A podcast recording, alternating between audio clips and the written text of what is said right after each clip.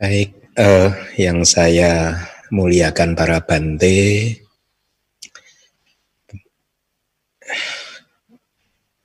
Sugihontu untuk semua samanera, seyale, dan upasaka serta upasika. Semoga pagi hari ini Anda semua dalam keadaan yang baik, sehat, damai di hati, dan bahagia.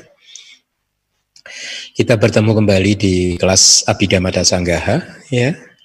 Tidak diduga bahwa kelas ini bisa diselenggarakan sampai hari ini ya dengan uh, apa? Dengan menjaga uh, kualitas dalam artian membahas kitab-kitab yang sesuai dengan kitab. Ya tentu saja ini adalah satu hal yang harus kita syukuri bersama dan pagi hari ini kita sudah masuk di tahapan akhir dari kitab Abhidhamma Tasanggaha. Ya, ini kelas yang ketujuh. Sebentar lagi, mungkin tiga kelas lagi, empat kelas lagi akan selesai pembahasan kitab Abhidhamma Tasanggaha. Dan mudah-mudahan kita nanti juga punya apa timbunan karma baik dan parami yang cukup sehingga bisa memudahkan, memuluskan rencana untuk mengajar uh, kitab yang berikutnya gitu ya mudah-mudahan. Nah uh, pagi hari ini uh, kita melanjutkan pembahasan di bab 9 ya kelas yang ke-7. Saya minta apa ditampilkan ya kita masuk di sub bab yang baru di bab ke-9 ini judulnya adalah Wipasana Kamadhana itu Anda lihat di atas itu ya. Wipasana Kamadhana. Kamadhana itu subjek subjek meditasi, Wipasana berarti datif untuk Wipasana ya. E, wipasana sering diterjemahkan menjadi pandangan terang atau juga e, tidak diterjemahkan, tetap dipertahankan kata wipasananya.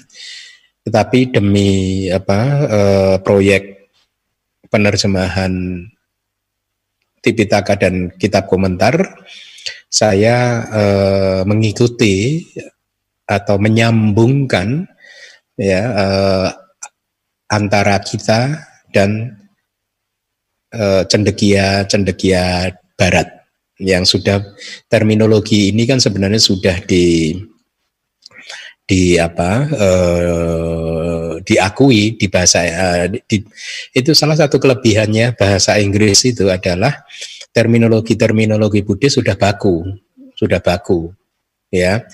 Uh, wipasana itu diterjemahkan menjadi insight ya atau kadang ditambah meditation.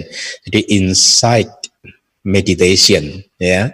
Tapi sesungguhnya arti vipassana ya uh, jadi kalau mau insight meditation harusnya bahasa palinya adalah vipassana bhavana gitu kan. Kalau vipassana saja harusnya insight saja ya. Yang saya terjemahkan ke dalam bahasa Indonesia menjadi um, pengetahuan yang dalam gitu ya. Jadi uh, vipassana saya terjemahkan jadi pengetahuan yang dalam. Uh, di, uh, saya lebih condong kata ini dibanding kata yang sudah ada di Indonesia yaitu pandangan terang ya e, memang arti harfiahnya itu wi plus pasana itu memang bisa bukan pandangan terang pandangan yang jernih itu pandangan yang jelas gitu ya. Bukan yang terang itu pandangan yang jernih atau pandangan yang jelas. Wipasana gitu ya. Tetapi kembali sekali lagi pertimbangan saya adalah eh, menyambungkan terminologi-terminologi Buddhis yang sudah baku di dunia internasional dengan eh, dan kita ikut ikut sana ikut ikut terminologi Inggris. Kalau memang itu diperlukan. Manfaatnya banyak ya manfaatnya banyak. E, min, paling tidak satu manfaat yang di depan mata yang kelihatan adalah ketika Anda mendengarkan ceramah-ceramah berbahasa Inggris, Anda tidak akan tersesat.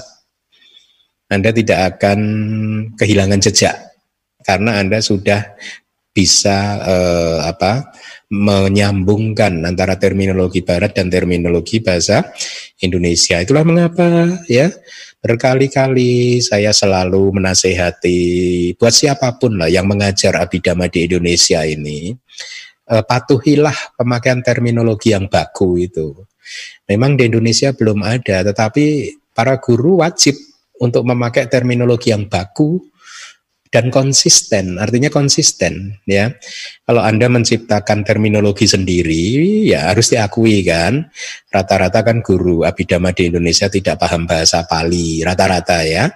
Jadi ya seperti attitude-nya, sikapnya seperti kami dulu waktu belajar di Myanmar gitu.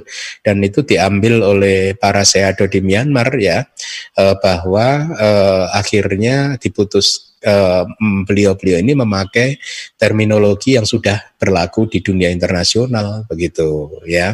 Tidak menciptakannya sendiri begitu. Jadi saya rasa itu bagus ya. Di kepada guru-guru juga begitu. Kenapa sih harus memakai terminologi yang benar dan juga konsisten ya? Karena itu demi di samping itu adalah demi sasana, demi ajaran itu sendiri, kita harus menghormati ajaran, juga demi murid-murid kita, supaya murid-murid kita bisa mendapatkan konstruksi uh, ajaran ini secara penuh, begitu ya. Kalau Anda menciptakan terminologi sendiri, Anda akan kebingungan nanti di di di belakang-belakang begitu ya. Misalkan di bab pertama cita, cita eh, Anda ciptakan terminologi sendiri, nanti di belakang di bab-bab belakangan Anda akan kebingungan itu karena ternyata terminologinya itu nggak benar begitu ya.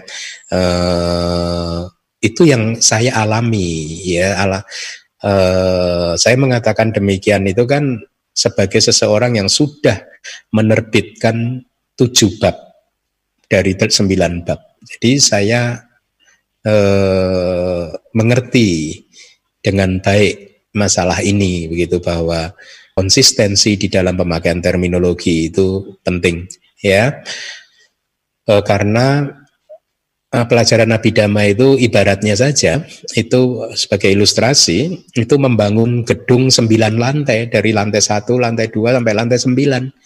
Anda tidak bisa memakai bahan material sembarangan di lantai satu begitu ya karena nanti di lantai yang atas akan dipakai lagi material itu tadi. Kalau dari lantai satunya sudah sembarangan memakai istilahnya atau materialnya, nanti di lantai yang atas Anda harus memakai material yang sama lagi dan Anda baru menyadari bahwa ternyata material yang di lantai satu itu tidak cocok untuk dipakai di lantai lima katakanlah begitu ya. Ya akhirnya kelabakan lagi begitu. Tidak bisa dipaksakan material yang lantai satu dipakai untuk membangun di lantai lima tidak bisa dipaksakan karena nggak cocok. Gitu. akhirnya apa? Ya anda harus membongkar lagi yang istilah yang di lantai satu harus diperbaiki lagi, material yang di lantai satu harus dirubah lagi, begitu. Itulah mengapa eh, konsistensi pemakaian terminologi itu sangat penting sekali. Meskipun saya juga mungkin akan mengadakan perubahan-perubahan sedikit, ya, karena memang ketika menerjemahkan dulu. Eh, eh, saya itu kan memang tidak punya cita-cita untuk menjadi penerjemah buku, ya sama sekali tidak mempunyai cita-cita sejak dulunya itu, itu kan muncul hanya mendadak, mendadak saja itu. Muncul di bahwa ada proyek program dari DBS di entah itu perayaan Waisak atau Katina diharapkan bisa launching buku maka waktu itu langsung saya kerjakan kira-kira begitu. Jadi di buku-buku awal itu saya kadang itu masih ini apa eh, mencampur adukkan antara kata sifat, kata benda dan lain sebagainya. Tetapi maknanya sih tetap sama. Saya bisa menjamin maknanya itu e, tetap sama. Itu tidak tidak melenceng. Jadi tidak tidak perlu dikhawatirkan. Itu ya. Nah, kembali ke topik Wipasana kamadhana subjek-subjek meditasi untuk wipasana atau untuk pengetahuan yang dalam ya. Kemudian di sub subbagiannya adalah wisudi beda. wisudi beda. Beda itu bisa diartikan eh, pemilahan bisa, tapi jenis-jenis juga bisa. Jadi saya terjemahkan jadi jenis-jenis atau pembedaan juga bisa gitu. Tapi di sini saya terjemahkan jadi jenis-jenis wisudi. Nah, wisudi itu pemurnian ya. Huh? Sorry. Uh, pemurnian atau kesucian. Kayaknya ini saya ragu. Mungkin sudah saya revisi di belakang. Nanti kita lihat ya. Untuk sementara kita inikan dulu pemurnian ya. Karena bisa kesucian, bisa kesucian. Ah ya, iya kesucian. Oke, oke, maaf. Oke, benar. Jadi kembali lagi, ya wisudi beda itu jenis-jenis kesucian. Nah ini juga problem ya kan uh, wisudi kata wisudi itu kesucian artinya kesucian. Jadi bukan pemurnian. Kalau pemurnian kan satu aktivitas ya. Uh, kesucian itu lebih bagus sih. Nah problemnya adalah ketika saya masih sering melihat hmm, apa di Indonesia menerjemahkan Arya Pugala sebagai orang suci. Ya. Jadi Arya diterjemahkan menjadi suci. Ya itu kembali lagi nanti akan bermasalah kalau kita mempelajari kitab secara lengkap. Makanya eh, eh, Arya itu tidak bukan suci. Arya itu mulia, agung, luhur gitu ya. Uh, itu makna-maknanya seperti itu. Berarti ya mulia aja, individu yang mulia gitu, individu yang luhur, yang agung dan lain sebagainya. Makanya saya menerjemahkan Arya sebagai mulia gitu ya. Baik, uh, uh, di itu saya coba lihat ada kata-kata yang perlu anda hafalkan enggak? Jadi jenis-jenis itu sata widena wisudi sanggu. Jadi ikhtisar kesucian itu ada tujuh jenis ya. Uh, tujuh jenis ini mungkin Anda harus hafalkan ya, yaitu saya baca dari depan ya. Wipasana kamadhane pana di dalam wipasana kamadhana yes, atau panaknya itu selanjutnya gitu. Selanjutnya di dalam subjek meditasi pengetahuan yang dalam langsung di kalimat terakhir sata widena wisudi sanggu ikhtisar kesucian ada sata itu tujuh wida itu jenis tujuh jenis atau tujuh macam Nah tujuh jenis ini yang Anda harus hafalkan. Anda kembali lagi ke baris yang kedua itu ya. Sila wisudi itu yang pertama. Anda harus hafal yaitu kesucian kesadaran uh, uh, sila. Kemudian cita wisudi ya. Jadi sila wisudi, cita wisudi, didik wisudi itu kata-kata ini Anda udah ketemu semua kan? Cita wisudi itu kesucian kesadaran, Didik wisudi kesucian pandangan, kangka witarana wisudi. Kangka itu kesangsian, witarana itu eh, kayak mengatasi, tapi kata bendanya. Jadi melampauan kesangsian, pengatasan kesangsian. Nanti kita lihat terjemahan saya di next slide ya. Tapi Anda hafalkan itu kangka witarana wisudi ya. Kemudian yang nomor lima, maga maga itu maga A-nya panjang, itu berarti maga plus A maga.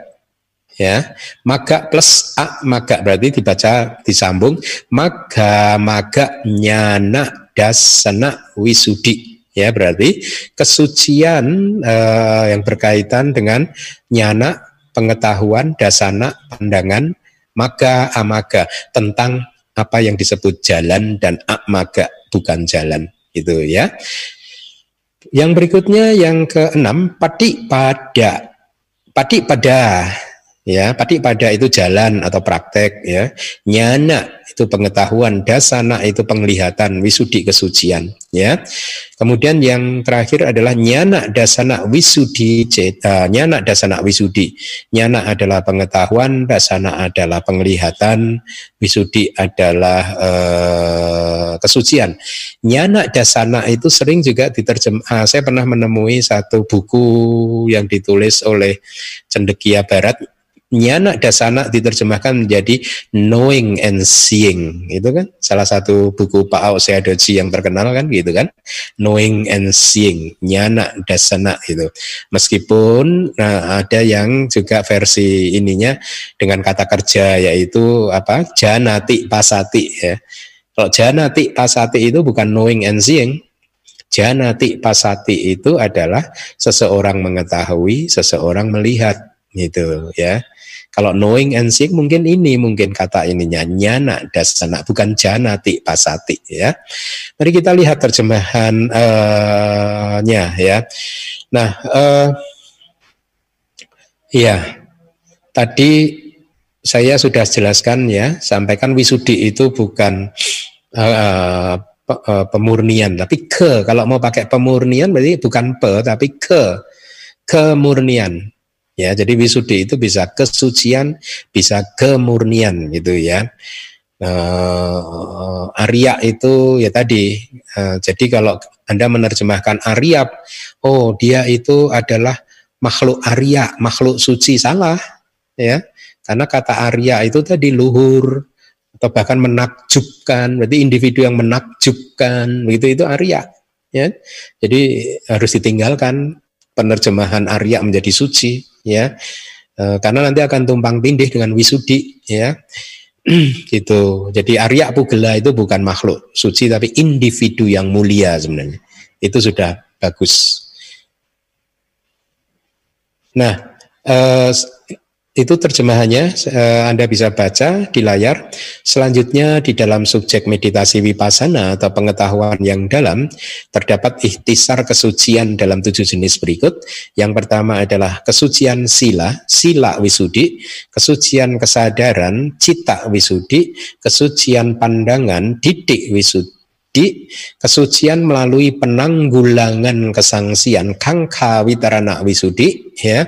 Kemudian yang kelima kesucian melalui pengetahuan dan penglihatan terhadap jalan dan non jalan artinya eh, bahasa palinya itu adalah maga maganya nak dasana wisudi Tadi yang maga plus a maganya nak dasana wisudi. Yang keenam adalah kesucian melalui pengetahuan dan penglihatan tentang cara atau tentang praktek tentang cara ya, yaitu uh, pengetahuan dan penglihatan patik pada nyana dasana wisudi. Kemudian yang ketujuh adalah kesucian melalui pengetahuan dan pandangan nyana dasana wisudi. Itu yang ketujuh ya. Saya sarankan Anda hafalkan bahasa palinya ya karena eh, Anda akan sering ketemu itu kalau Anda membaca buku-buku ber, berbahasa Inggris ya. Eh, selanjutnya next slide. Itu definisi wipasana ya. Jadi anicca di wasena wiwida karena pasati ti wipasana. Itu definisinya.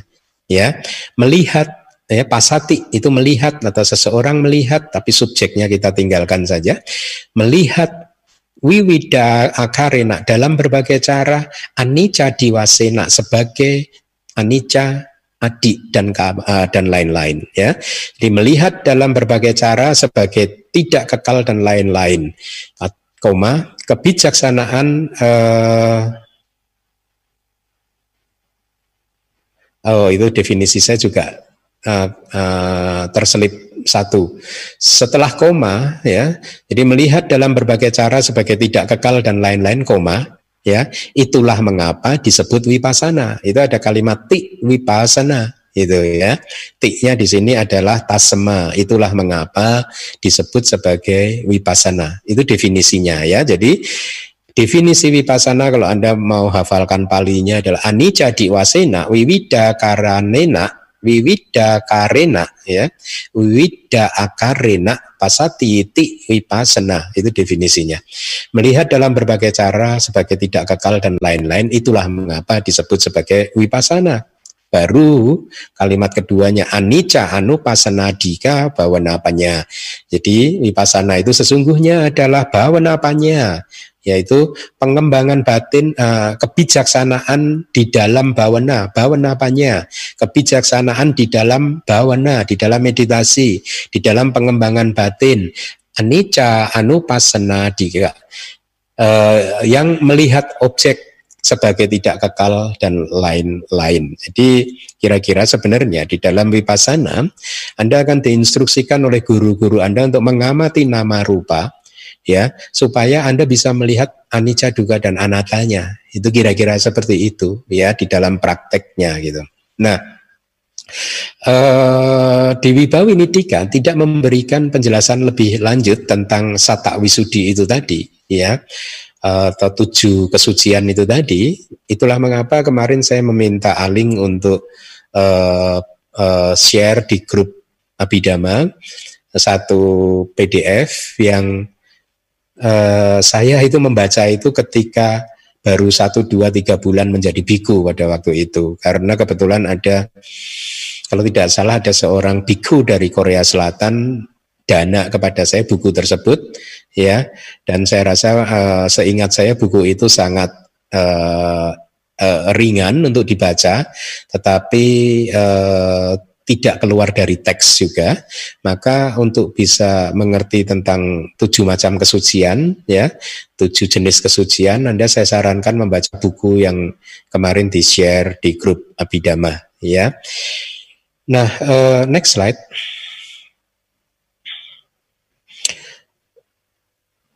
Uh, ya, ini definisi untuk wipasana kamadhana. Jadi itu tasa kamadhanang sayewa wa kamadhananti wipasana kamadhanang.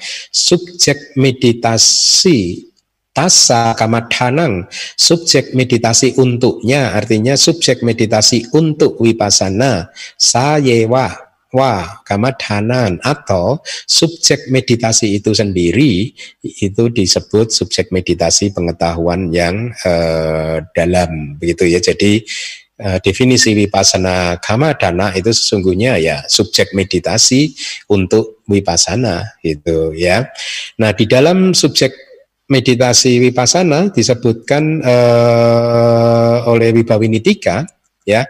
Arti kalimat di dalam uh, sorry di dalam subjek meditasi wipasana subjek meditasi untuknya. Oh dijelaskan subjek meditasi untuk wipasana itu uh,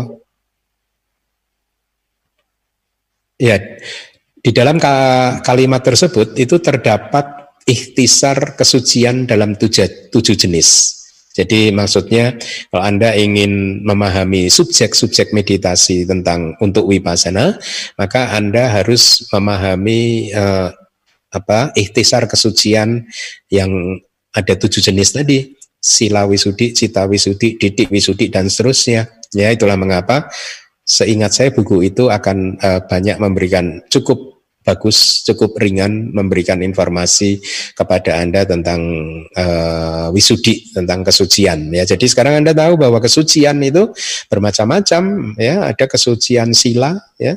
Kalau silanya suci, bersih belum tentu citanya bersih, belum tentu kesadarannya bersih itu ya kalau kesadarannya bersih ya sudah e, berhasil menghalau semua kilesa belum tentu pandangan salahnya itu juga hancur belum tentu dan lain sebagainya. Ya anda anda boleh baca itu. Next slide. Ada tiga laksana. Hmm.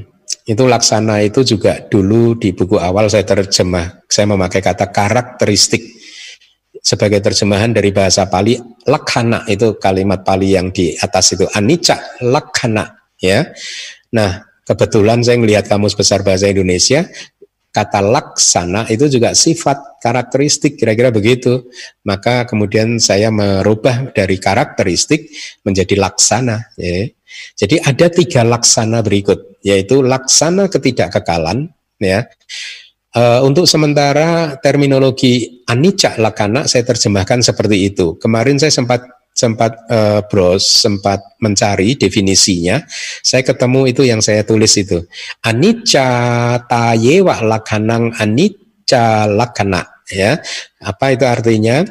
Uh, ketidakkekalan itu sendiri adalah laksana ya. Anicata yewa lakanam artinya ketidakkekalan itu sendiri adalah lakanam lakana atau laksana. Terus saya e, terpotong ininya itu adalah definisi untuk anicca lakana ya. Jadi kalau anda ingin tahu definisi mener, cara menerjemahkan anicca lakana yaitu definisinya ketidakkekalan itu sendiri adalah karakteristik atau laksananya ya makanya di buku-buku saya saya mulai memakai istilah kalau menerjemahkan anicca lakana saya akan mungkin menerjemahkannya menjadi laksana yang dinamakan ketidakkekalan. Itu itu lebih itu sesuai dengan definisi bahasa Pali yang saya berikan itu ya. Jadi laksana yang dinamakan ketidakkekalan Berarti duka lakana juga laksana yang dinamakan penderitaan ya. Anata lakana adalah laksana yang dinamakan bukan diri gitu. Itu cara memahaminya. Jadi anicca itu sendiri adalah karakteristiknya ya. Jadi itulah mengapa pemahaman bahasa Pali penting kalau tidak juga kita akan mendefinisikannya secara keliru ya. Uh, next slide. Ketidakkekalan itu sendiri adalah laksana yang harus dikenali.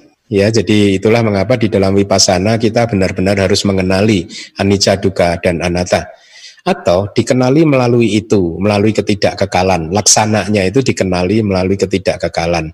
Itu definisi untuk laksana ketidakkekalan. Ya, jadi mungkin nanti di buku saya akan terjemahkan menjadi laksana yang dinamakan ketidakkekalan supaya konsisten dengan istilah-istilah saya yang lain. Misalkan Iya, di Indonesia karena belum baku, itulah mengapa eh, saya banyak me, apa menyediakan apa membu, apa ya istilahnya memakai waktu untuk menemukan definisi yang tepat. Contoh misalkan Anda biasanya menerjemahkan duka saja itu apa? Kebenaran tentang penderitaan begitu kayak mungkin ya. Atau ke, duka Arya saja misalkan. Kebenar di Indonesia biasanya begitu kan kebenaran mulia tentang penderitaan. Padahal definisinya bukan itu gitu. Definisinya itu ya mirip-mirip itu tadi gitu ya. Uh, uh, kalau salah ada banyak definisi tapi artinya mirip ya. Uh, misalkan duka Arya Sajang.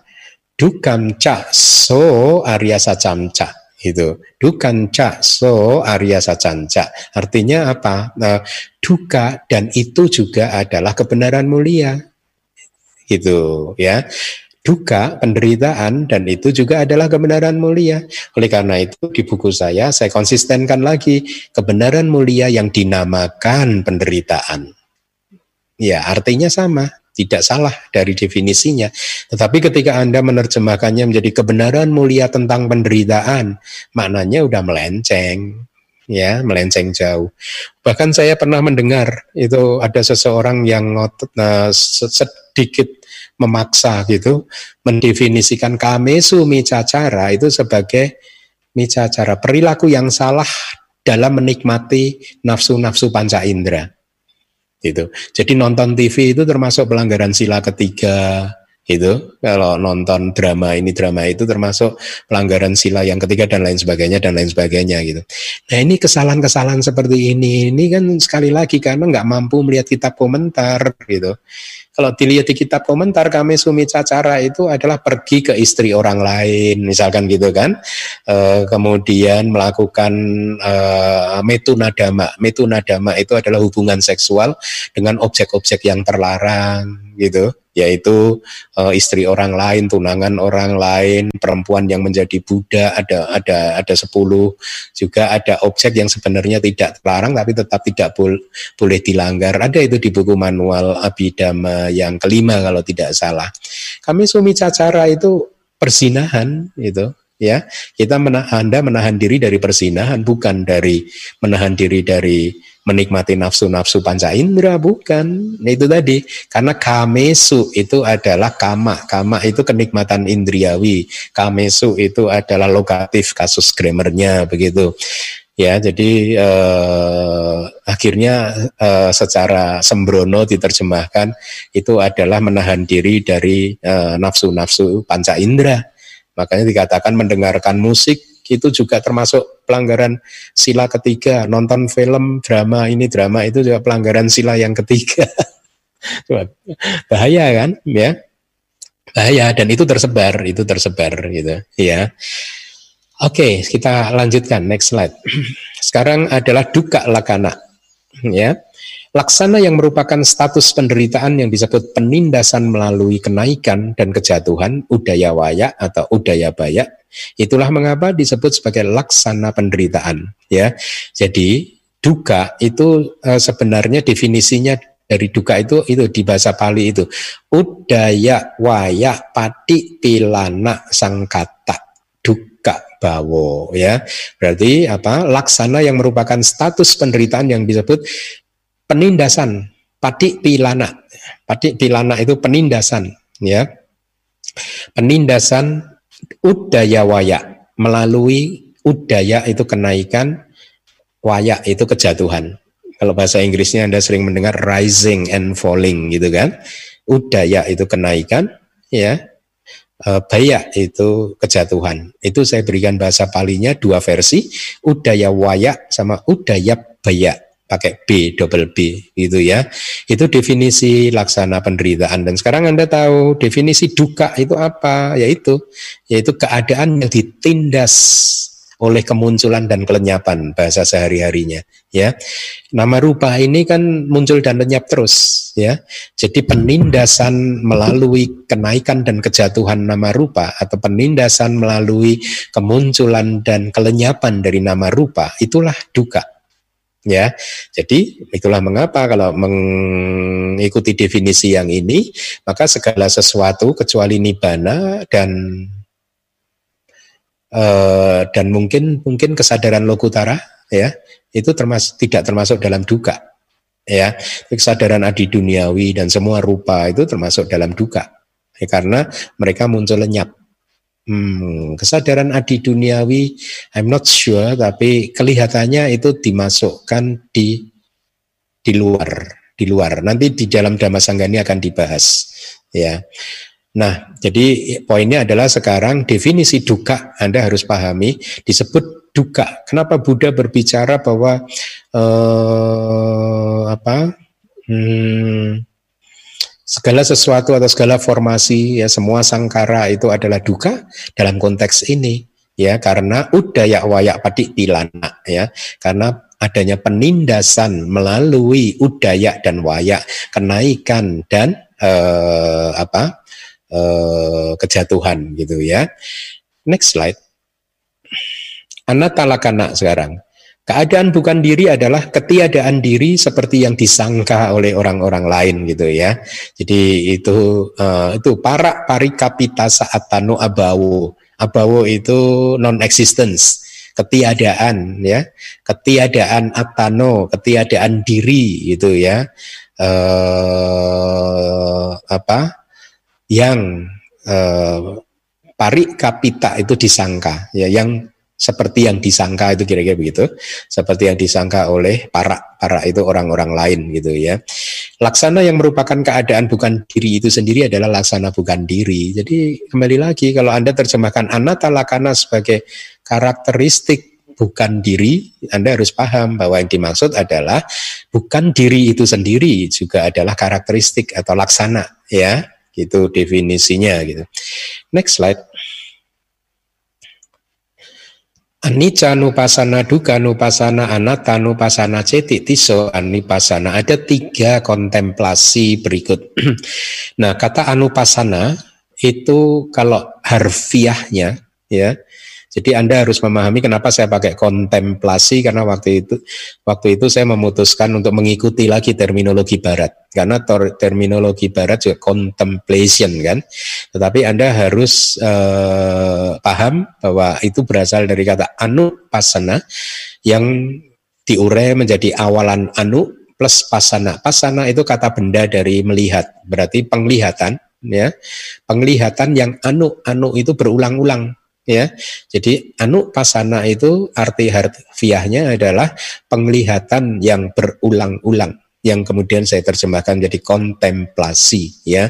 Makanya ketika kita berwipasana itu kan kita melihat nama rupa berulang-ulang. Anda bayangkan saja kalau dalam satu jentikan jari satu triliun kali muncul dan lenyap, berapa kali ber, berapa berulang kalinya banyak sekali kan untuk melihat nama dan rupa selama wipasana karena kita berwipasana itu bisa satu tahun ya.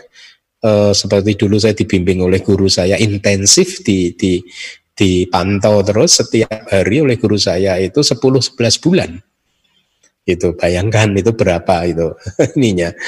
E, melihat berulang-ulangnya itu berapa kali begitu ya. Jadi itu artinya anupasana ya penglihatan yang berulang-ulang. Kata anu itu mengandung arti di sini berulang-ulang itu ya. Sehingga anu anicca nupasana adalah penglihatan yang berulang-ulang. Sebenarnya yang dilihat apa sih? Nama rupa untuk merealisasi anicca gitu ya. Jadi melihat nama rupa untuk merealisasi anicca itulah anicca nupasana ya.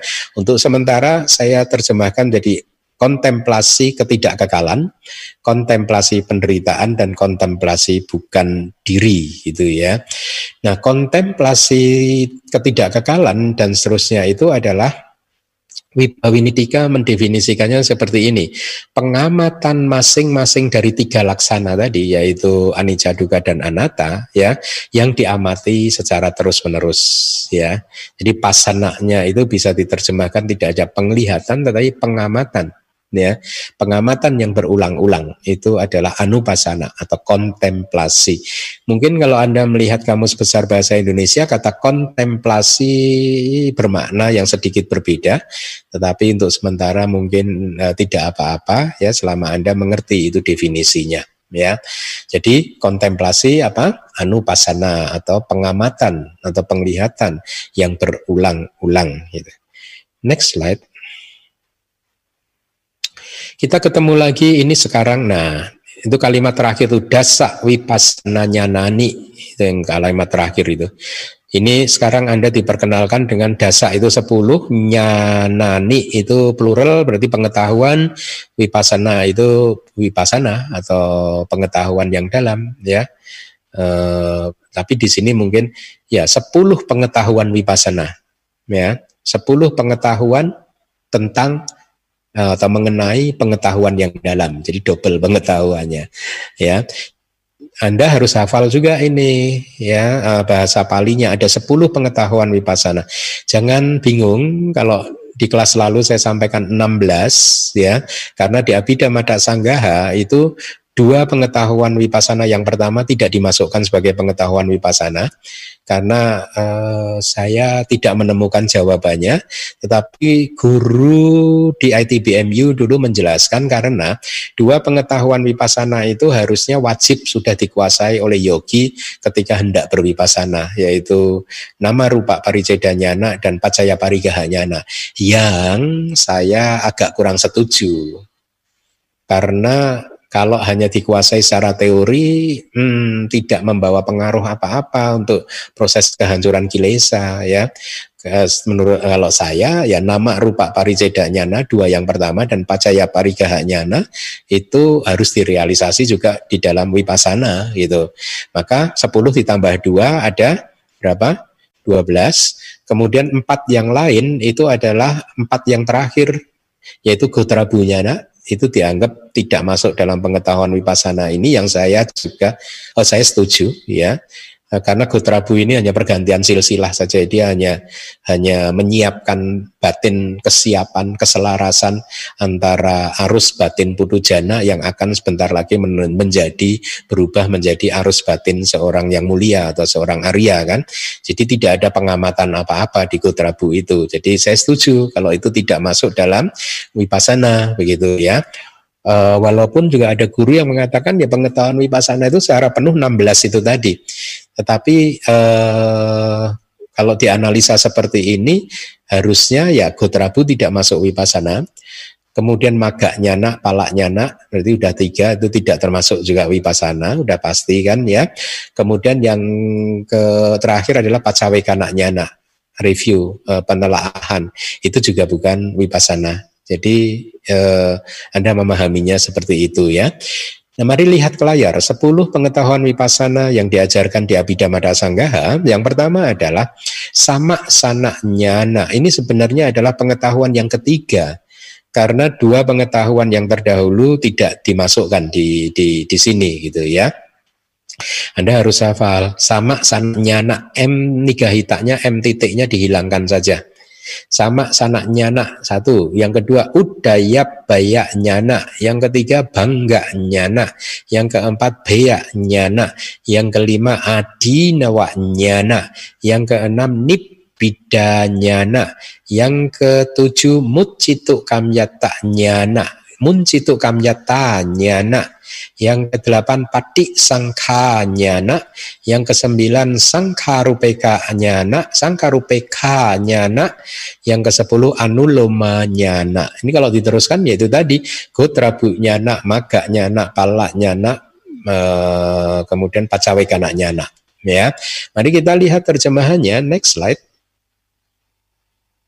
Jadi ada 10 pengetahuan-pengetahuan wipasana berikut. Satu, pengetahuan yang dinamakan pemahaman. Ya, ini pemahaman nanti akan disampaikan penjelasannya.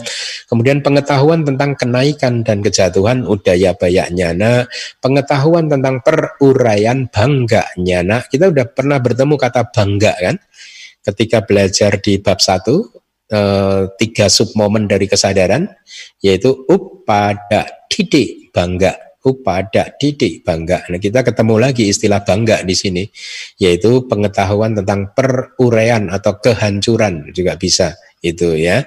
Yang keempat pengetahuan tentang formasi atau disintegrasi juga bisa. Tetapi kemarin saya lihat di kamus besar bahasa Indonesia disintegrasi tidak dikenal, ya.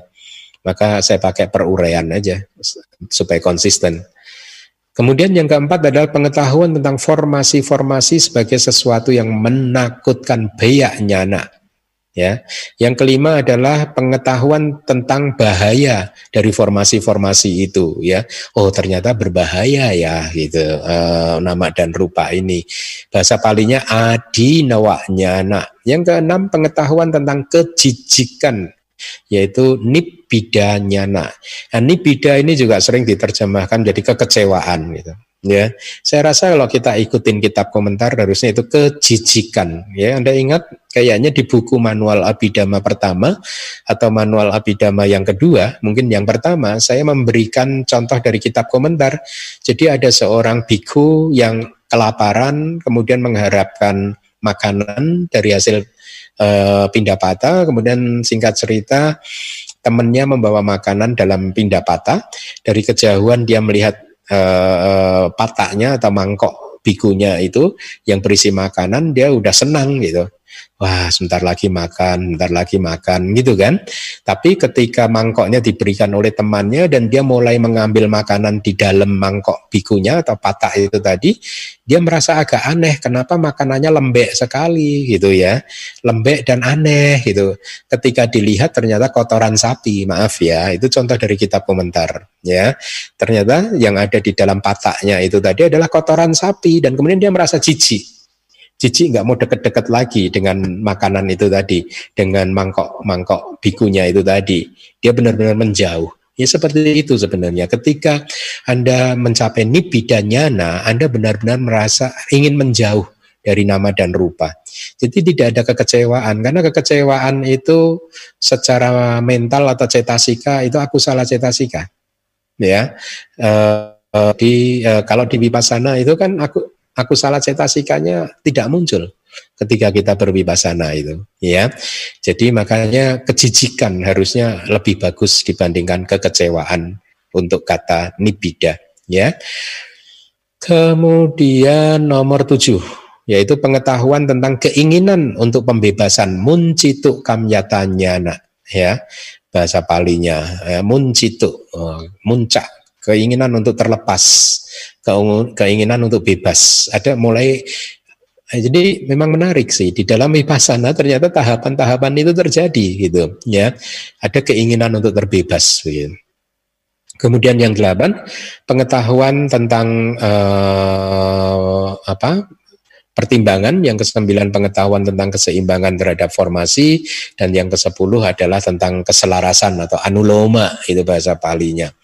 Nah, Wibawinidika menjelaskannya seperti ini. Pengetahuan yang dinamakan pemahaman atau sama sana nyana itu adalah pengetahuan yang terjadi dengan kekuatan pemahaman tentang agregat-agregat dalam klaster-klasternya atau kelapa ya. Jadi kita uh, di dalam prakteknya, nah, sekali lagi Anda bisa baca di file yang kemarin dibagikan di grup Abidama, ya.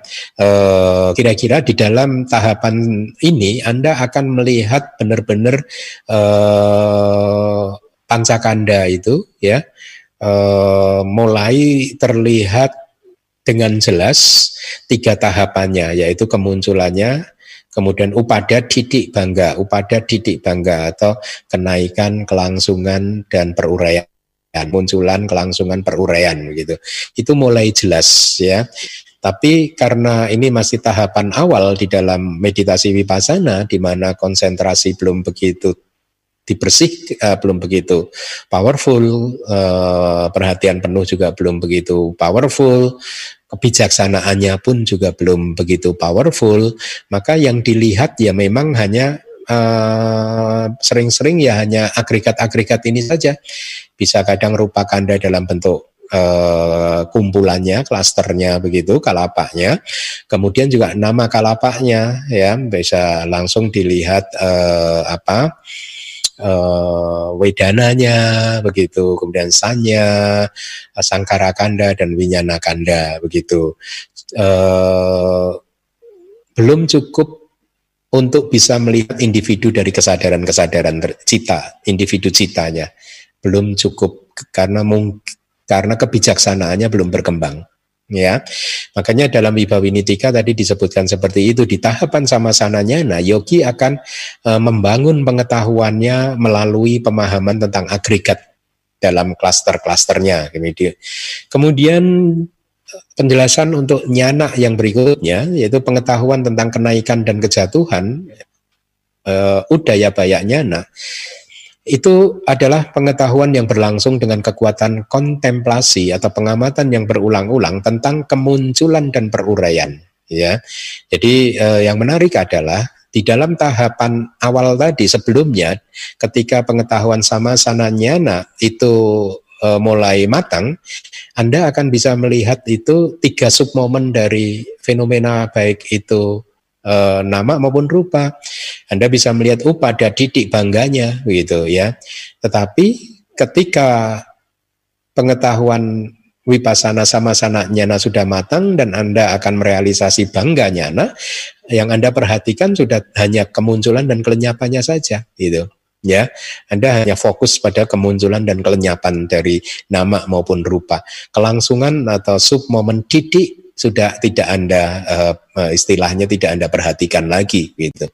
Maka benar Wibawinidika juga memberikan definisi seperti itu. Pengetahuan yang berlangsung dengan melalui kekuatan kontemplasi tentang kemunculan dan peruraian, upada dan bangga. Ya, atau kenaikan dan peruraian itu ya. Jadi didik atau kelangsungan uh, tidak lagi diperhatikan oleh yogi.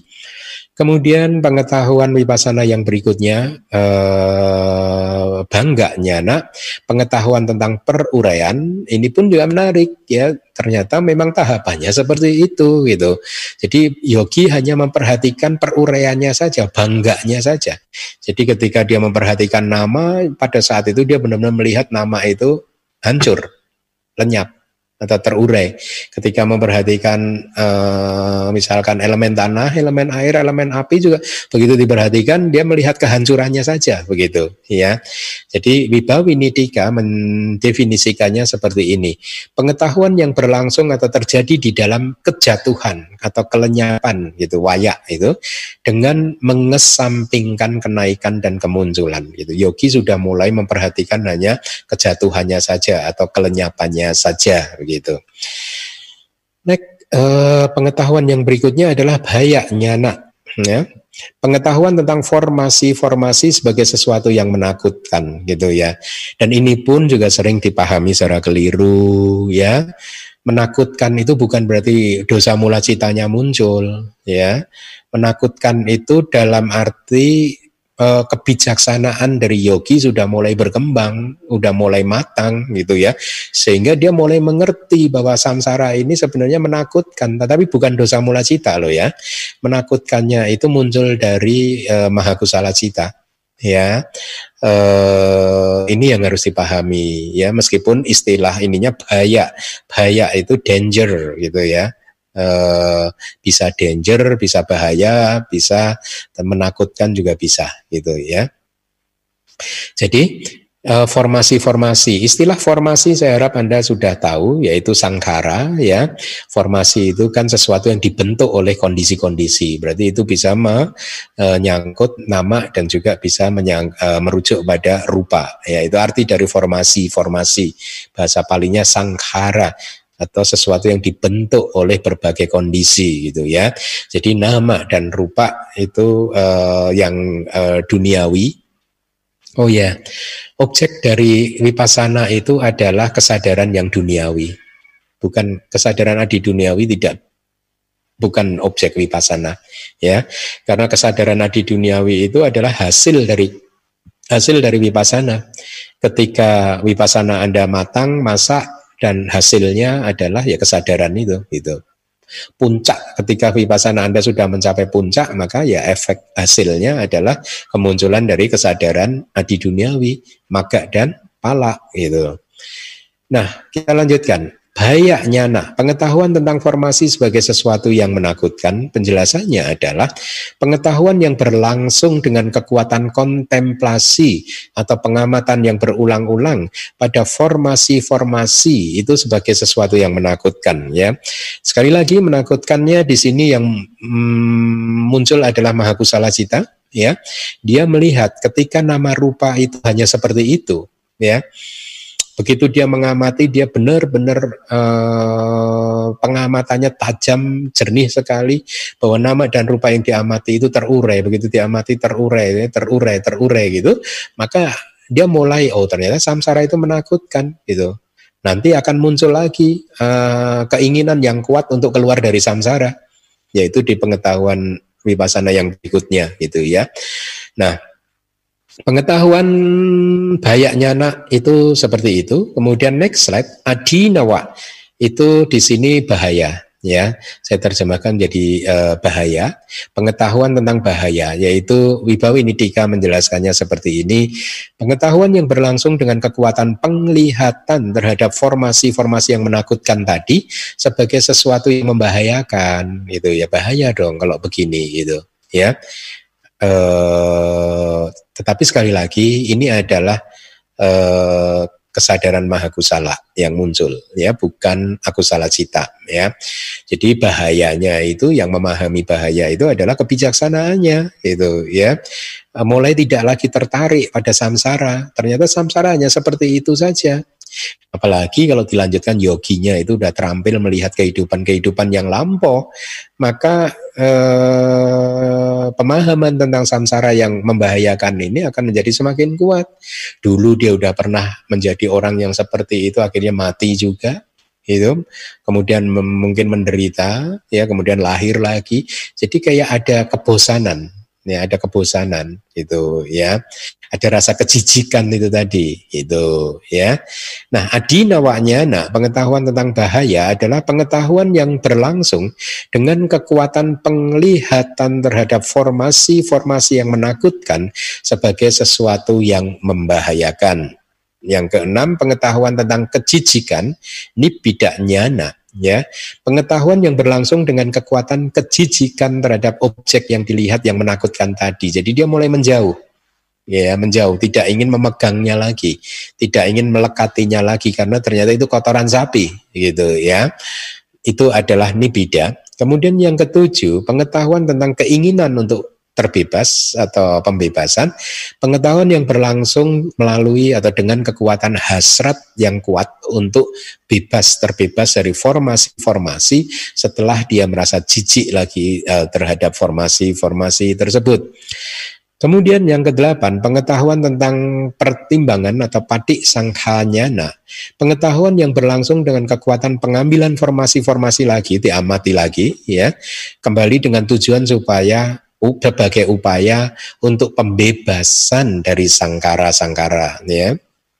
Kemudian yang kesembilan, pengetahuan tentang keseimbangan terhadap formasi-formasi, pengetahuan yang berlangsung dengan tiadanya ketertarikan, dengan penguatan atau dengan kekuatan pelepasan, ketakutan dan kesenangan terhadap objek yang diamati. Saya ulangi lagi, Definisi sangkaru pekanyana adalah pengetahuan yang berlangsung dengan atau melalui tidak adanya ketertarikan ya e, berdasarkan rasa pelepasan dari ketakutan. Jadi udah melepaskan ketakutan ya dalam konteks yang e, positif mahakusala itu tadi ya juga melepaskan kesenangan terhadap objek yang diamati. Jadi e, e, tahapan ini adalah tahapan yang lumayan penting juga.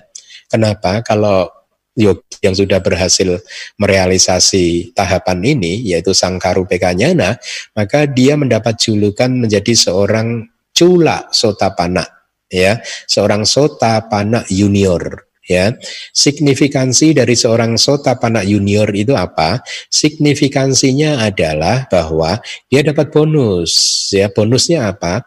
Satu kali kelahiran persis setelah kematiannya kali ini, dia pintu apayanya tertutup ya. Jadi empat pintu apa ya tertutup bagi dia hanya satu kali kelahiran setelah ini. Ya setelah di kehidupan di mana dia merealisasi sangkarupekanya. Nah, artinya dia tidak akan lahir di neraka peta asura binatang setelah ini itu ya. Bonusnya hanya satu kali saja. Kalau di kelahiran berikutnya dia tidak berjuang lagi tetap menjadi putu jana dan gagal mencapai sangkarupekanya anak lagi dia bisa saja masuk ke apaya lagi itu tapi kalau dia berhasil menjadi seorang sotapana maka pintu empat apaya tertutup selama-lamanya bagi dia. Dia tidak akan pernah bisa lahir lagi di salah satu dari empat apaya ya itu signifikansinya. Dan kedua, signifikansi yang kedua adalah Anda akan mulai merasakan kualitas batin seorang arahat. Ya, UPK di sini bukan UPK Wedana, tetapi Tatrama Jatata.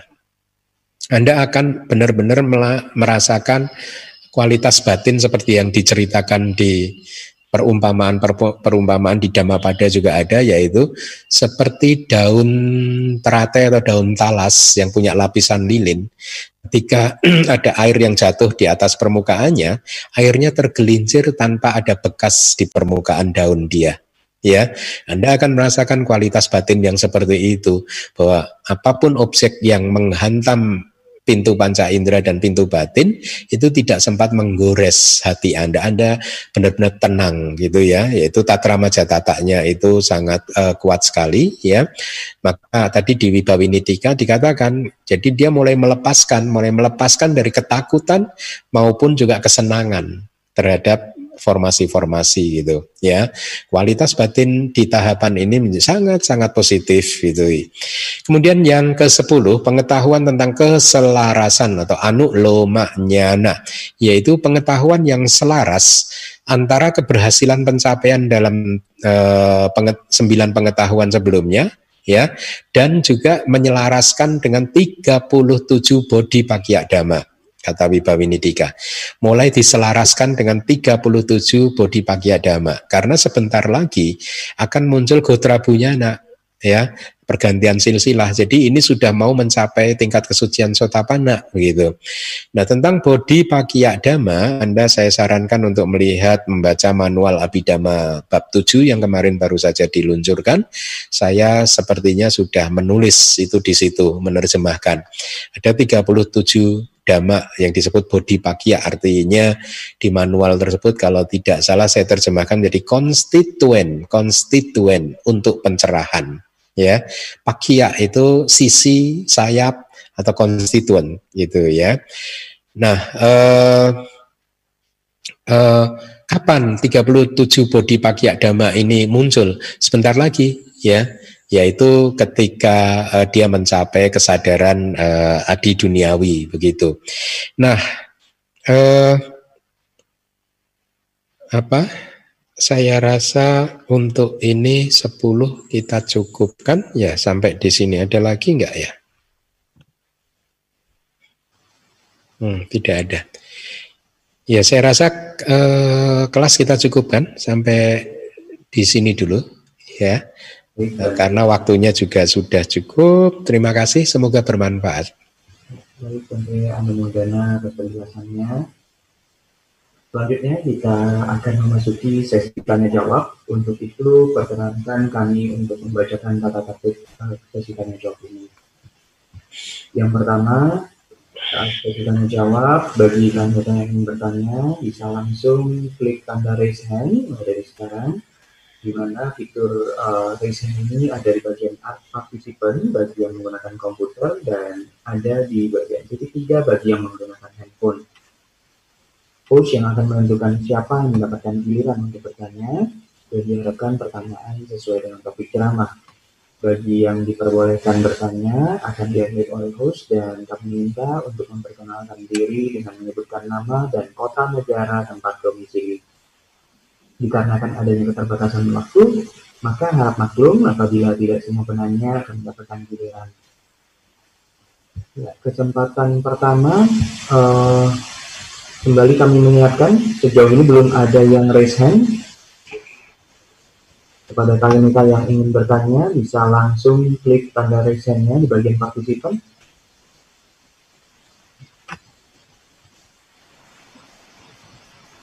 Ya, uh, di Alim kami persilakan untuk bertanya.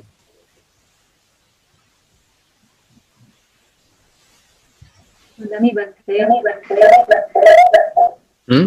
Bouncing. Madami Bante. Ya, Sugioto.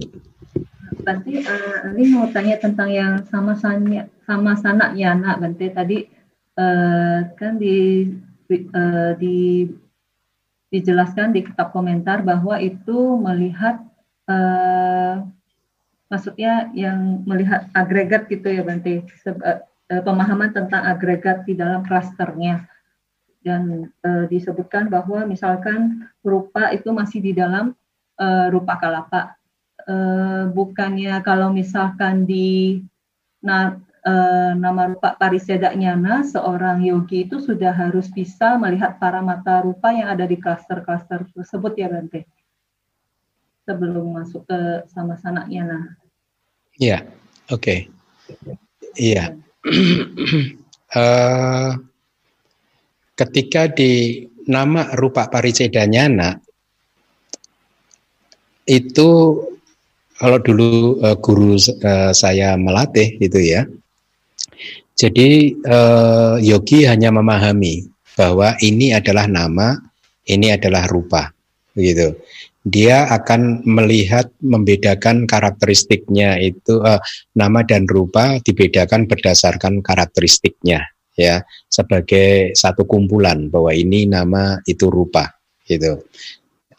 Eh, kemudian kalau itu sudah matang uh, yogi akan um, merealisasi pengetahuan vipassana yang kedua yaitu pacaya parigaha nyana ya, di mana uh, kebijaksanaan sudah mulai berkembang dan membuat yang bersangkutan mulai bisa melihat hubungan sebab dan akibat bahwa segala sesuatu yang muncul itu ternyata ada pengkondisinya begitu. Hubungan antara pengkondisian dan kemunculan dari dhamma itu mulai uh, terlihat tetapi ketika di sama sananya, yogi mulai pengamatannya mulai tajam lagi. Tidak hanya sebatas nama dan rupa saja, tetapi dia mulai bisa mengamati lima agregat. Memang karena belum begitu tajam, yang diamati biasanya ya lima agregat itu tadi. Kalau nama kanda, dia melihat misalkan Waidana kanda, gitu, Sanya kanda, Sangkara kanda dan uh, Winyana kanda begitu. Kalau rupa kanda ya rupa kanda begitu. Dan di sama nyana ini ya si yogi akan mengamati semua fenomena itu sudah mulai terlihat jelas upada didik dan bangganya begitu ya. E, kemunculan, kelangsungan dan peruraiannya itu semua terlihat dengan jelas e, melalui pintu batin dia ya tiga sub momen dari fenomena agregat mental dan agregat uh, material itu terlihat jelas. Ya, mungkin teknik meditasi yang lain mengajarkan berbeda, tetapi uh, uh, uh, yang diajarkan oleh guru saya itu, seingat saya juga itu mempunyai rujukan, mempunyai rujukan karena dulu kami pun kalau berlatih itu juga uh, selalu uh, uh, diberikan rujukan-rujukannya begitu. Uh, kalau tidak salah buku file yang kemarin saya bagikan mungkin juga ada ininya. Jadi demikian, kalau di nama rupa pariceda nyana, si yogi hanya membedakan ini nama dan ini rupa. Begitu Aling.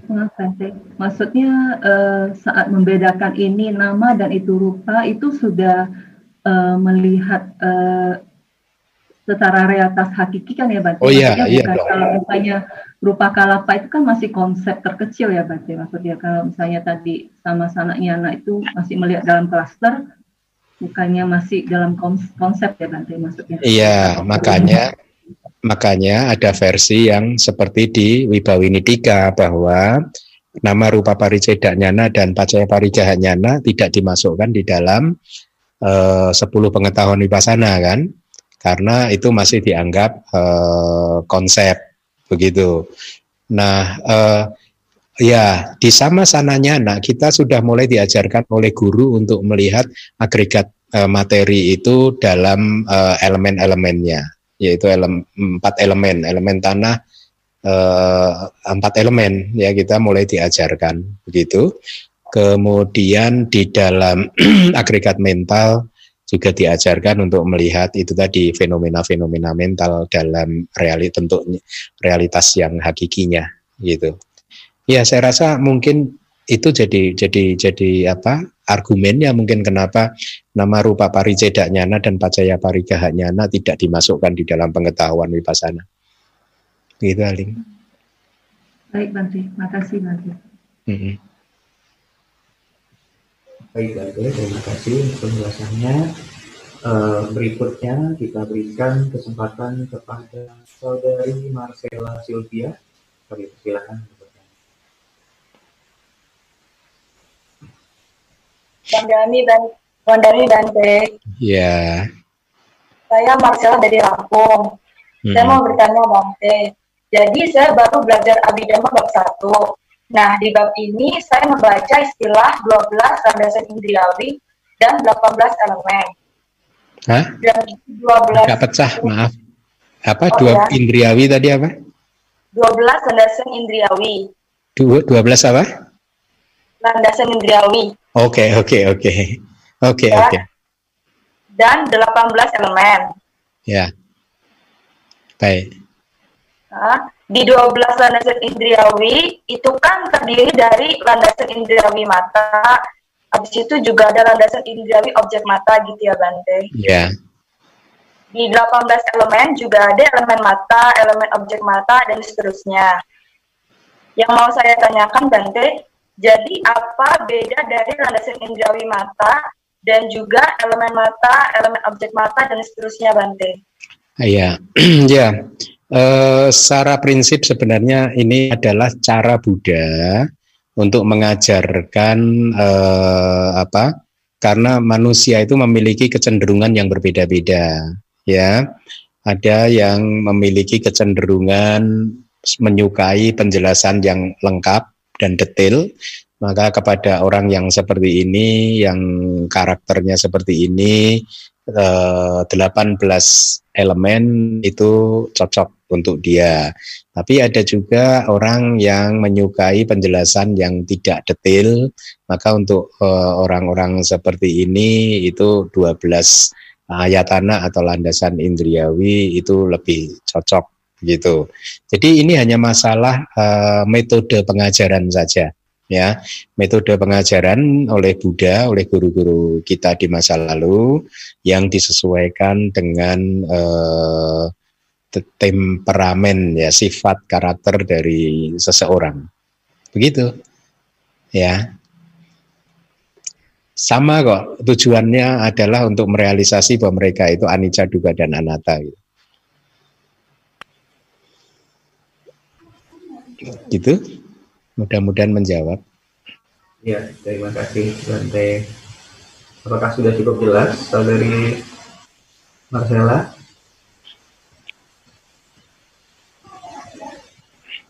Sepertinya sudah cukup ini. Ya, ya, boleh tanya satu lagi nggak Bante? Boleh, boleh. boleh. Ya. Jadi uh, saya mau tanya tentang skenario Anantaria Kama Bante. Hah? Karyo Anantaria Kama. Saya nggak nggak bisa suara Anda pecah loh. Iya, bantu gimana ya, bantu saya juga bingung. Kedengeran nggak bantu sekarang? Iya, di, di kita juga agak pecah, uh, saudari Marcella. Mungkin sedikit lebih dekat, jadi lebih konstan gitu, jadi tidak nanti. Atau pakai pakai earphone. Bentar ya Bante.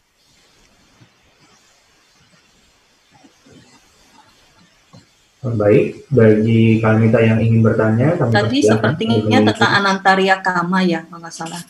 Dengar, Bante.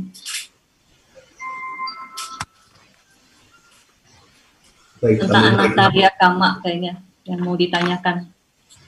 Anantaria Kama. Anantaria Kama. Anantaria Kama. Kama yang tanpa jeda itu Anantaria. Tapi mungkin masih uh, apa belum selesai juga pertanyaannya mungkin ya, Cialing. Kita coba tunggu sebentar ya.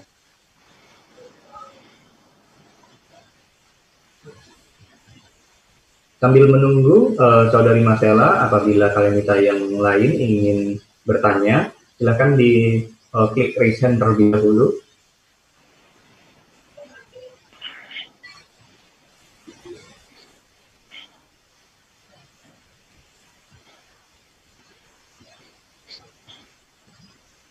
Apakah ada kalian minta lain yang ingin bertanya?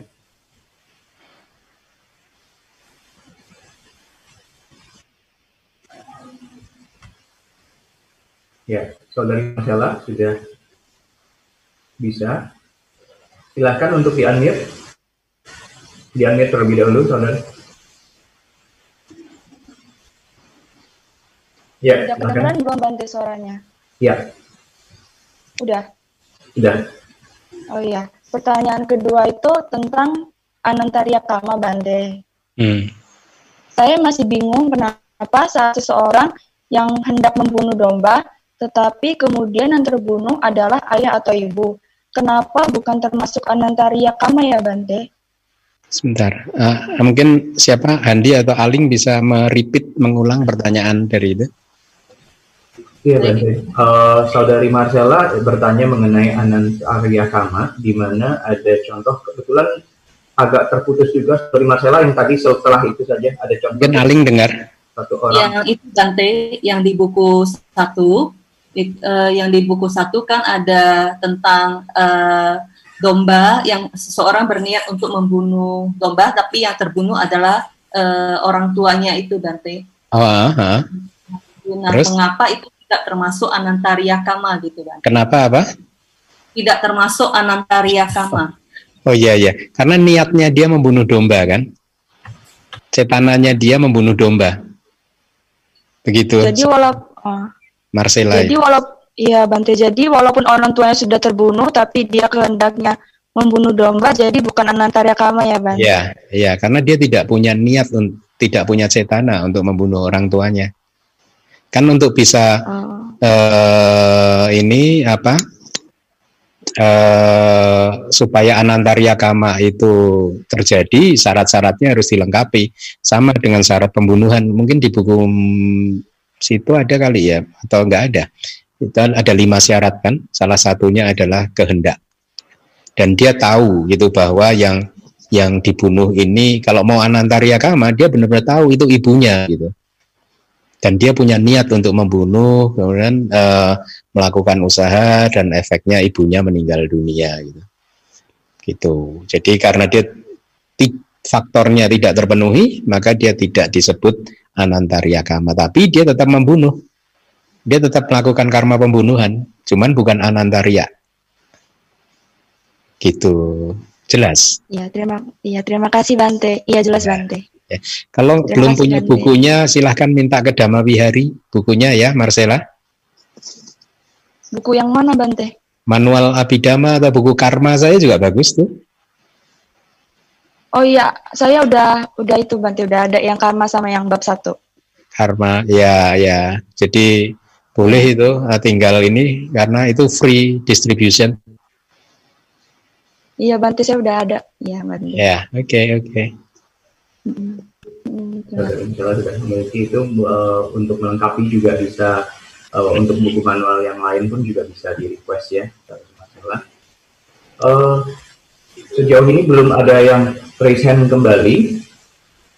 berhubung kita masih memiliki waktu kurang lebih 12 menit lagi, kami persilahkan kita coba tunggu uh, sebentar ya Bante. Ya. Apabila ada kalian kita yang ingin bertanya, bisa langsung klik tanda resennya di bagian partisipan bagi yang menggunakan uh, komputer atau laptop dan ada bagian titik tiga bagi yang menggunakan handphone.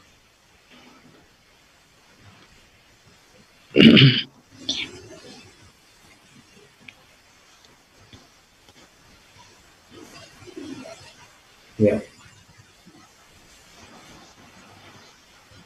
Kembali kami mengajak kepada Kalamita, apakah ada yang ingin bertanya?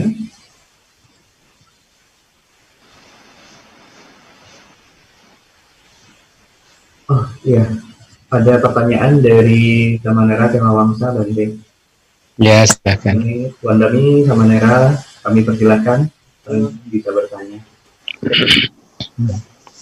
Bende. Uh, menyambung pertanyaan dari uh, saudari Marcella tadi, uh, apakah uh, misalkan seorang ibu ini menggugurkan uh, bayinya yang di dalam kandungan ini, apakah termasuk karma yang berat juga, Bantu?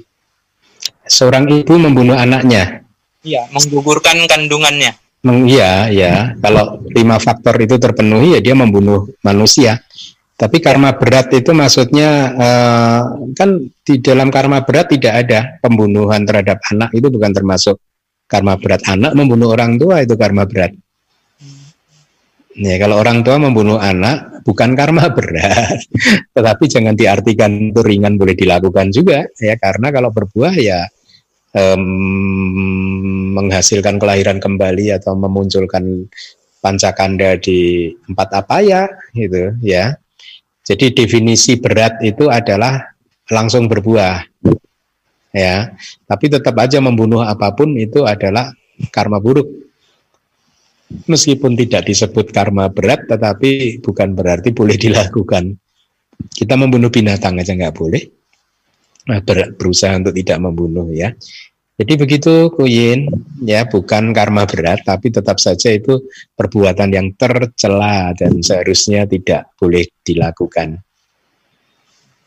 Terima kasih Bante Anumodana Bante. Ya. Baik, terima kasih Bante. Uh, ini mungkin kembali uh, saya coba mengajak Alanita yang ingin bertanya. Hmm. untuk klik raise hand apabila tidak ada mungkin kita bisa oh ada. Uh, kami persilahkan kepada saudara Wilson. Silakan. Wandani Wante Sugiyoto Sugiyoto uh, menyambung menyambung pertanyaan dari Samanera sebelumnya yang ingin saya tanyakan sebenarnya apabila kita melakukan pembunuhan tanpa ada niat apakah itu termasuk karma Bante? Karena saya juga sempat baca di manual abidama yang kedua bahwa cetana itu muncul di semua jenis kesadaran dan muncul sedikit kebingungan di diri saya bagaimana mungkin ketika kita membunuh tanpa ada cetana yang muncul. Oh, oke, okay, nah, oke. Okay. Seperti itu. Bang, bimbingannya Bante, terima kasih. Baik, baik, baik. baik. Maaf, pengertiannya begini. Cetana itu tetap ada, tetapi cetana untuk membunuh si A si B-nya itu yang tidak ada cetananya ada untuk yang lain. Kayak eh, apa eh, kayak tadi penanya yang pertama cetananya adalah membunuh domba atau apa tadi kan. Tapi ternyata malah salah sasaran yang terbunuh ibunya. Itu. Cetana memang benar tetap ada, tapi yang dimaksud adalah cetana untuk membunuh yang bersangkutan. Ya kalau cetananya yang muncul adalah cetana untuk yang lain maka satu faktor tidak terpenuhi. Contoh-contoh yang paling mudah untuk dimengerti adalah ketika anda setir mobil itu mengemudikan mobil ya di malam-malam gitu katakan malam dan melewati daerah yang banyak binatang-binatang kecil di jalanan itu yang terbang begitu kan sering kan uh, dulu itu saya sering sering ketika masih uh, sebagai umat mengemudikan mobil itu kalau pulang malam itu besok cuci mobil itu pasti di kaca depan kan banyak binatang mati kan ada aja binatang mati kan ya Nah, itu yang dikatakan bahwa saya tidak membunuh binatang tersebut karena saya tidak mempunyai cetana untuk membunuh dia. Nah, cetana saya ada setiap kesadaran ada cetananya begitu, tapi cetananya adalah niat untuk mengerjakan yang lain. Misalkan ketika saya Anda mengemudikan mobil, niatnya adalah untuk membawa mobil ini dengan selamat, tidak untuk membunuh binatang yang di jalan raya itu kan. Begitu pengertiannya ya. Benar, benar, benar. Cetananya tetap ada, tapi bukan cetana membunuh. Itu. Sebenarnya istilahnya wadaka cita sih bahasa palinya. Wadaka cita itu adalah kesadaran yang membunuh gitu. Itu ya. Ada citanya yang membunuh gitu. Tapi itu itu diartikan cetana juga sih. Oke, okay, begitu. Terima kasih. Eh, berikutnya kami berikan kesempatan kepada Ibu Meta Surya. Kami persilahkan. Terima kasih Andi. Hey. Selamat pagi Bante Asin. Bu Meta. Kabar. Baik Bu, dari mana ini? Dari LA? Dari LA. Wah. ah, terima kasih sudah berkunjung di kelas ini. Iya, ya udah selama Bante suka umumin ya kita dapat terima umuman eh, kebanyakan saya ikut. Oh. Cuman nggak pernah nanya, baru kali ini nanya. Uh, menyambung uh, sama Nera tadi mengenai uh, pengguguran kandungan, apakah di dalam uh, abidama itu di, di karena kan masih ada uh, apa sih belum ada kepastian sampai umur berapa kandungan itu dianggap sudah ada kehidupan. Jadi apakah di dalam abidama itu ada diterangkan sekian minggu udah ada kehidupan atau belum gitu. Kehamilan berapa lama yang dianggap sudah membunuh gitu. Iya. Baik. Baik, ini kontroversi Bu Meta. Kalau di Abidama sendiri, eh, sejauh ini saya tidak menemukan eh, ketentuan waktunya. Kapan sebenarnya makhluk hidup itu lahir? Karena kalimat di dalam Abhidhamma hanya ketika eh, kesadaran kematian itu muncul, maka satu momen atau satu satu satu per satu triliun detik kemudian makhluk tersebut sudah lahir kembali gitu ya. Tapi lahir kembalinya itu apakah bersamaan dengan pembu terjadinya pembuahan antara suami dan istri itu sejauh yang saya ketahui di Abhidhamma tidak disebutkan gitu. Di Sutta pun juga kontroversi di Sutta Pitaka. e, di salah satu sutta yang sering dijadikan rujukan itu Bu Meta nanti mungkin boleh googling sutanya adalah Maha Tanha Sangkhaya Sutta itu yang sering dijadikan rujukan karena di Maha Tanha Sangkhaya Sutta ini diceritakan proses kelahiran kembali di mana pada waktu uh, di sutta tersebut Buddha mengatakan bahwa kelahiran kembali itu terjadi ketika tiga faktor ini terpenuhi gitu ya uh, utuh. Jadi ibunya sang ibu berada dalam masa subur. Nah, istilah Buddha itu utuh sih, temperaturnya itu uh, berada dalam temperatur yang tepat gitu. Artinya itu masa subur. Itu kemudian juga ada faktor dari ayah ya. Uh, yaitu spermnya dari ayah begitu. Kemudian yang ketiga itu ada gandaba. nah, gandaba ini adalah eh, kesadaran dari eh, eh, apa kesadaran penyambung kelahiran kembali kalau menurut Abhidhamma ya yang siap untuk masuk ketika terjadi eh, proses pembuahan antara ayah dan ibu ya. Nah tetapi saya pernah membuka kitab komentarnya itu waktunya itu juga kontroversi. Apakah itu adalah masuk itu adalah persis pada saat terjadinya pembuahan atau seperti ilmu modern mengatakan mungkin berapa bulan gitu ya setelah pembuahan dan lain sebagainya. Seingat saya ketika saya membaca kitab komentarnya itu juga tidak bisa dipastikan sih. Tidak di, tidak bisa dipastikan kapan ininya begitu. Kalau di Abhidhamma itu dijelaskan misalkan ketika uh, terjadi kelahiran kembali, maka setelah sekian minggu semua panca inderanya lengkap, katakanlah itu ada penjelasannya. Dan problemnya ini kapan sesungguhnya uh, kelahiran kembali itu terjadi? Sejauh yang saya tahu itu masih kontroversi sih Bu. Uh, kontroversi. Ada yang mengatakan uh, hmm, ada yang mengatakan persis ketika ada noktah, ya, ketika ada noktah, ya, noktah itu berarti sekitar gumpalan daging yang sangat kecil sekali, seperti diberi perumpamaannya seperti biji sesawi seket, uh, mungkin lebih kecil lagi, maka di situ sudah ada kehidupan. Nah, kalau kalau ini benar berarti kurang dari sekian minggu atau bahkan mungkin beberapa hari setelah terjadinya pembuahan itu sudah ada kelahiran kembali. Jadi eh, saya tidak bisa memastikan Bu Meta eh, kapan. Tapi ini pertanyaan yang bagus. Coba nanti saya akan proses apa eh, lihat lagi kitab komentarnya ya. Kalau tidak salah, saya juga dulu pernah menulis sih tentang ini sih di buku Karma mungkin ya. Waktu itu saya bagaimana ya? Ada yang ingat nggak ya? Yang sudah pernah membaca uraian saya di buku Karma itu? Ada mungkin dari pendengar, huh? ada di buku kan di buku uh, kalau nggak salah di manual juga nanti saya ini deh bantu agak lupa juga ada di ada sih ada nah, cuman ada. saya juga lupa kayaknya masih kontroversi sih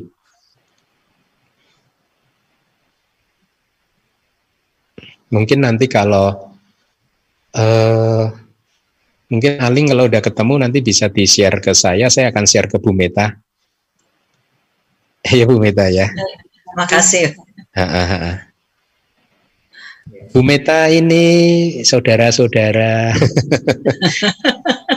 kepala wihara di Los Angeles. Saya kalau berkunjung ke sana Bu Meta ini merawat saya. ya sama-sama dengan teman-teman.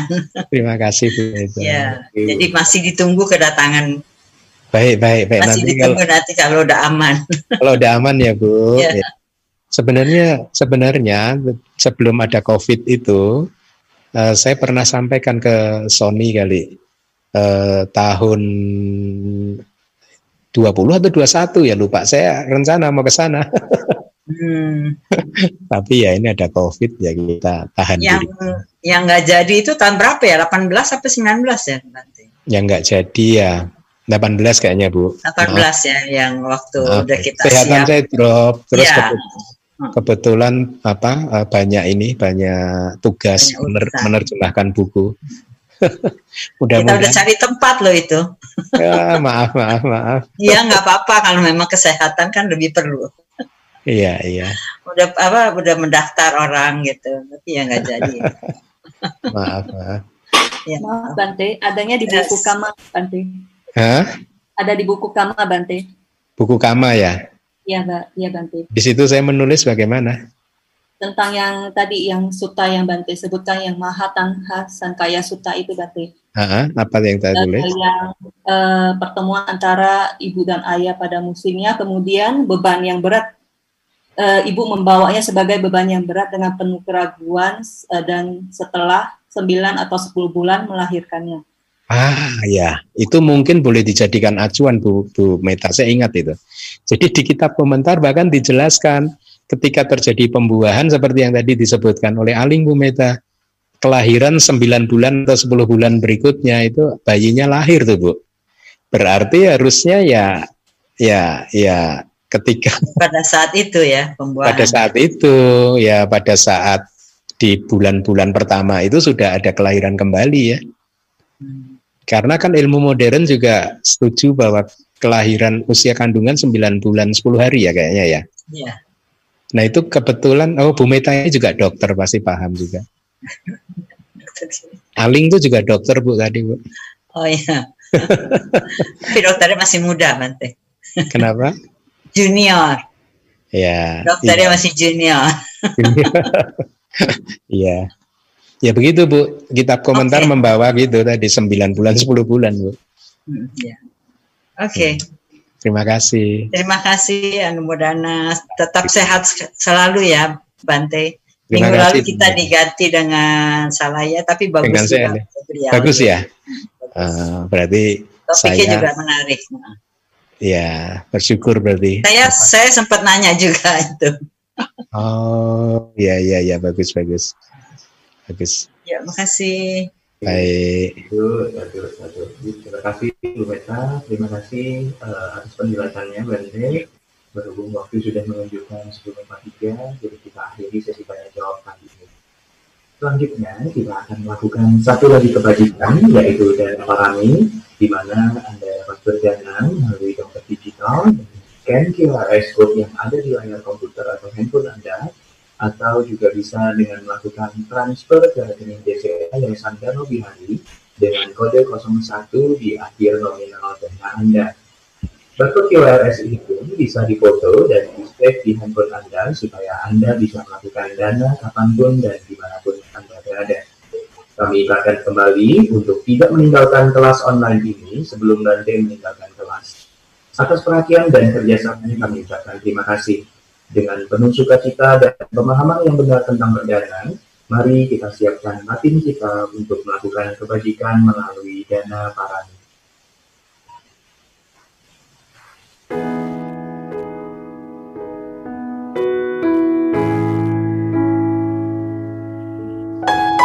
ucapkan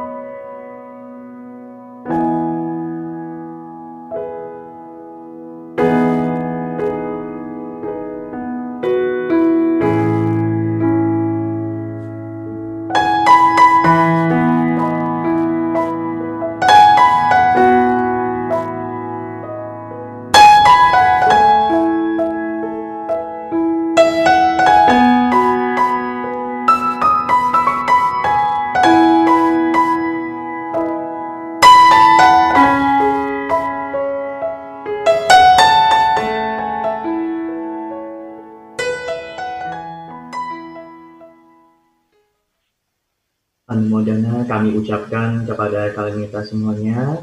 Selanjutnya, Bante akan membimbing kita semua untuk melakukan pelimpahan jasa atas semua bentuk kebajikan yang telah kita lakukan pada hari ini. Mari kita semua beranjali.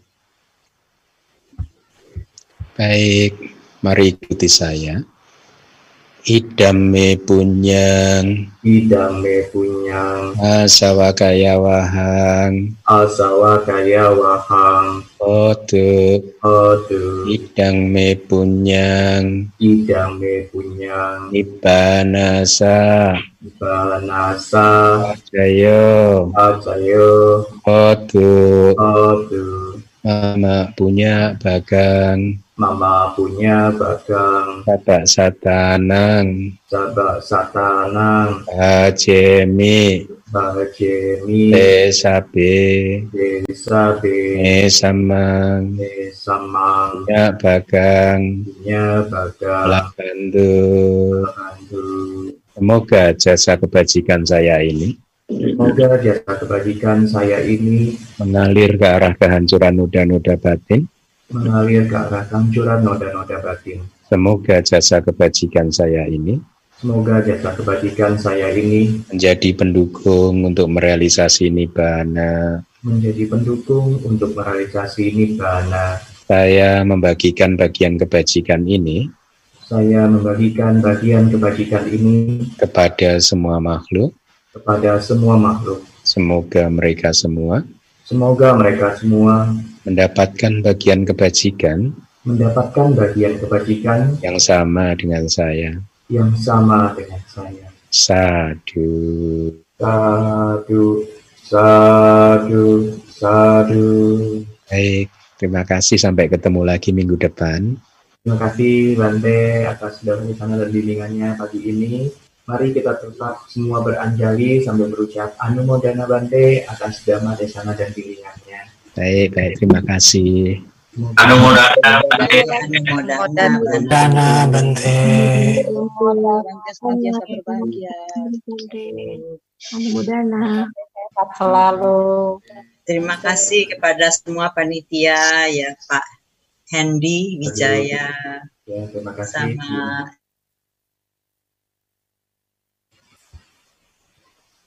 Aduh, semoga Bante selalu dalam keadaan ya. Dengan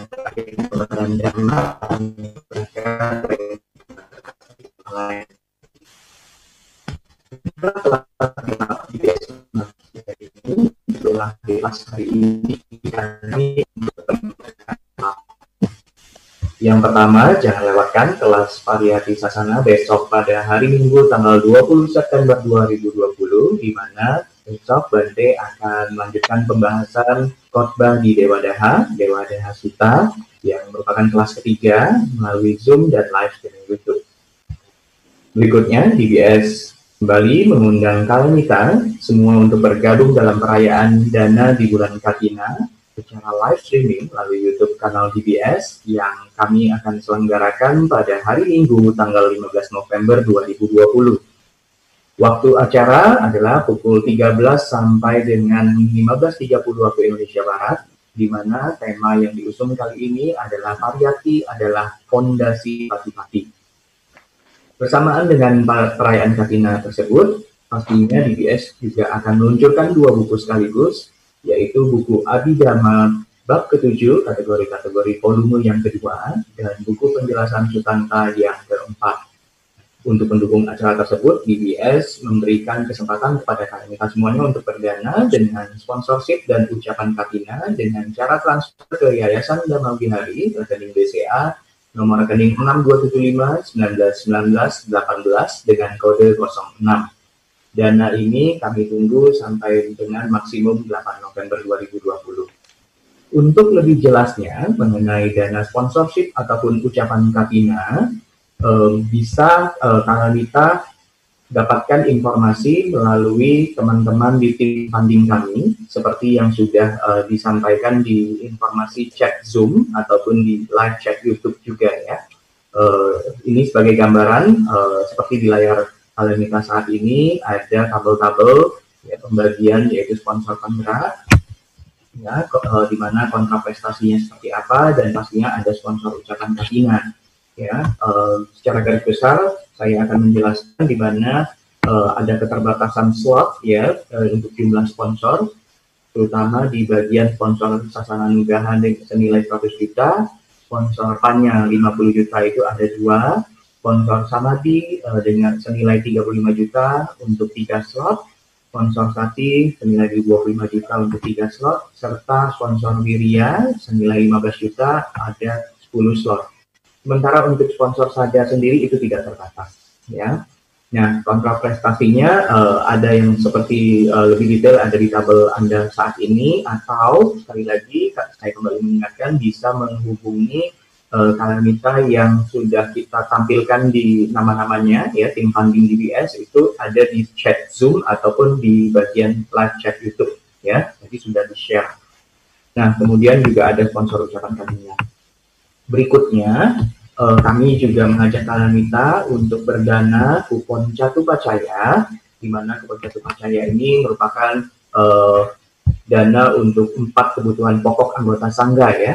Uh, ini slide-nya bisa ditunjukkan untuk dana kupon Catu Pacaya, ya, di mana kupon Catu Pacaya kali ini ada empat varian nominal. Ada empat pilihan nominal, yaitu yang pertama senilai satu juta untuk dana jubah sangga, 600 ribu itu dana perlengkapan sangga, 300 ribu untuk dana perlengkapan obat-obatan, dan 150 ribu untuk dana perlengkapan e, kebersihan. Ya uh, di mana kalau untuk kupon dana cat, uh, Catu Pacaya ini uh, kita tunggu paling lambat sampai dengan 14 November 2020. Sementara untuk dana sponsor ataupun uh, iklan ucapan tadi itu kita bataskan sampai yang terakhir di tanggal 8 November 2020. Berikutnya, untuk dana buku manual Abidama Bab 7, volume kedua, uh, uh, volume kedua dengan judul yang sama kategori-kategori, kita kembali uh, memberikan kesempatan pada Kalimita uh, untuk berdana dengan kode 23, batas akhirnya 25 Oktober 2020. Berikutnya, DBS yang akan mencetak ulang buku manual Abidama bab ketiga, Serbaneka, edisi kedua yang diperbaharui. Uh, ini juga kami buka kesempatan kepada Kalanita untuk berdana uh, berdana buku cetak ulang ini mungkin sebagai bentuk ucapan uh, syukur ya ataupun kelulusan, kelahiran ataupun pelimpahan jasa dan lain-lain dengan kode 43. Batas akhir uh, penerimaan dana di 29 November 2020. Berikutnya, buku yang telah terbit yaitu salah satunya buku 9 Sifat Agung Buddha edisi kedua yang diperbarui ini dan bagi kalian yang belum memiliki dan berminat uh, untuk memilikinya bisa menghubungi sekretariat DBS di 0813 8700 3600 atau klik melalui tautan bit.ly garis miring DBS Book. Berikutnya, seperti yang kita ketahui bahwa DBS sudah mendekati uh, uh, usia lima tahun, ya, dan kita sudah berkarya dan harapannya uh, manfaat dari uh, kehadiran DBS ini sudah dirasakan oleh umat Buddha di pelosok Nusantara bahkan mungkin di luar negeri dan kami kembali mengajak Kalimita uh, untuk bergabung dalam komunitas penyokong ajaran Buddha, Buddha Sasana Nugraha, dalam membantu operasional BBS. Kami juga memberikan kemudahan cara berdana bagi Anda beserta keluarga dan teman-teman apabila uh, memiliki niat untuk mendukung kesinambungan dhamma dan memperkukuh dhamma di Nusantara ini dengan berdana melalui GoPay. Ya, dengan kode di antaranya sebagai berikut 00 untuk operasional DBS, 01 untuk keperluan sangga, 02 untuk pendidikan Samanera dan saya lain, 03 untuk penerbitan buku, 08 awaradana, dan 10 untuk perpustakaan. Supaya tidak ketinggalan berita DBS, kami kembali mengingatkan kepada semua kalian kita yang belum bergabung dalam uh, WA grup komunitas Buddha Sasana Nugraha DBS, di mana sekarang ini sudah mencapai grup yang kelima, supaya tidak ketinggalan informasi-informasi kegiatan jadwal kelas, kegiatan-kegiatan yang uh, dilakukan oleh DBS lainnya, buku-buku yang bisa Anda pesan, serta penggalangan dana buku. Ya. Terakhir, jangan lupa untuk follow, like, dan subscribe YouTube, Facebook, Instagram DBS supaya tidak ketinggalan informasi kegiatan-kegiatan DBS. Akhir kata, kami ucapkan terima kasih dan sampai bertemu di kelas online UBS berikutnya pada semua kalian kita. Tuhan itu semoga kita semua selalu dalam keadaan dan bahagia. Sadu, sadu, sadu.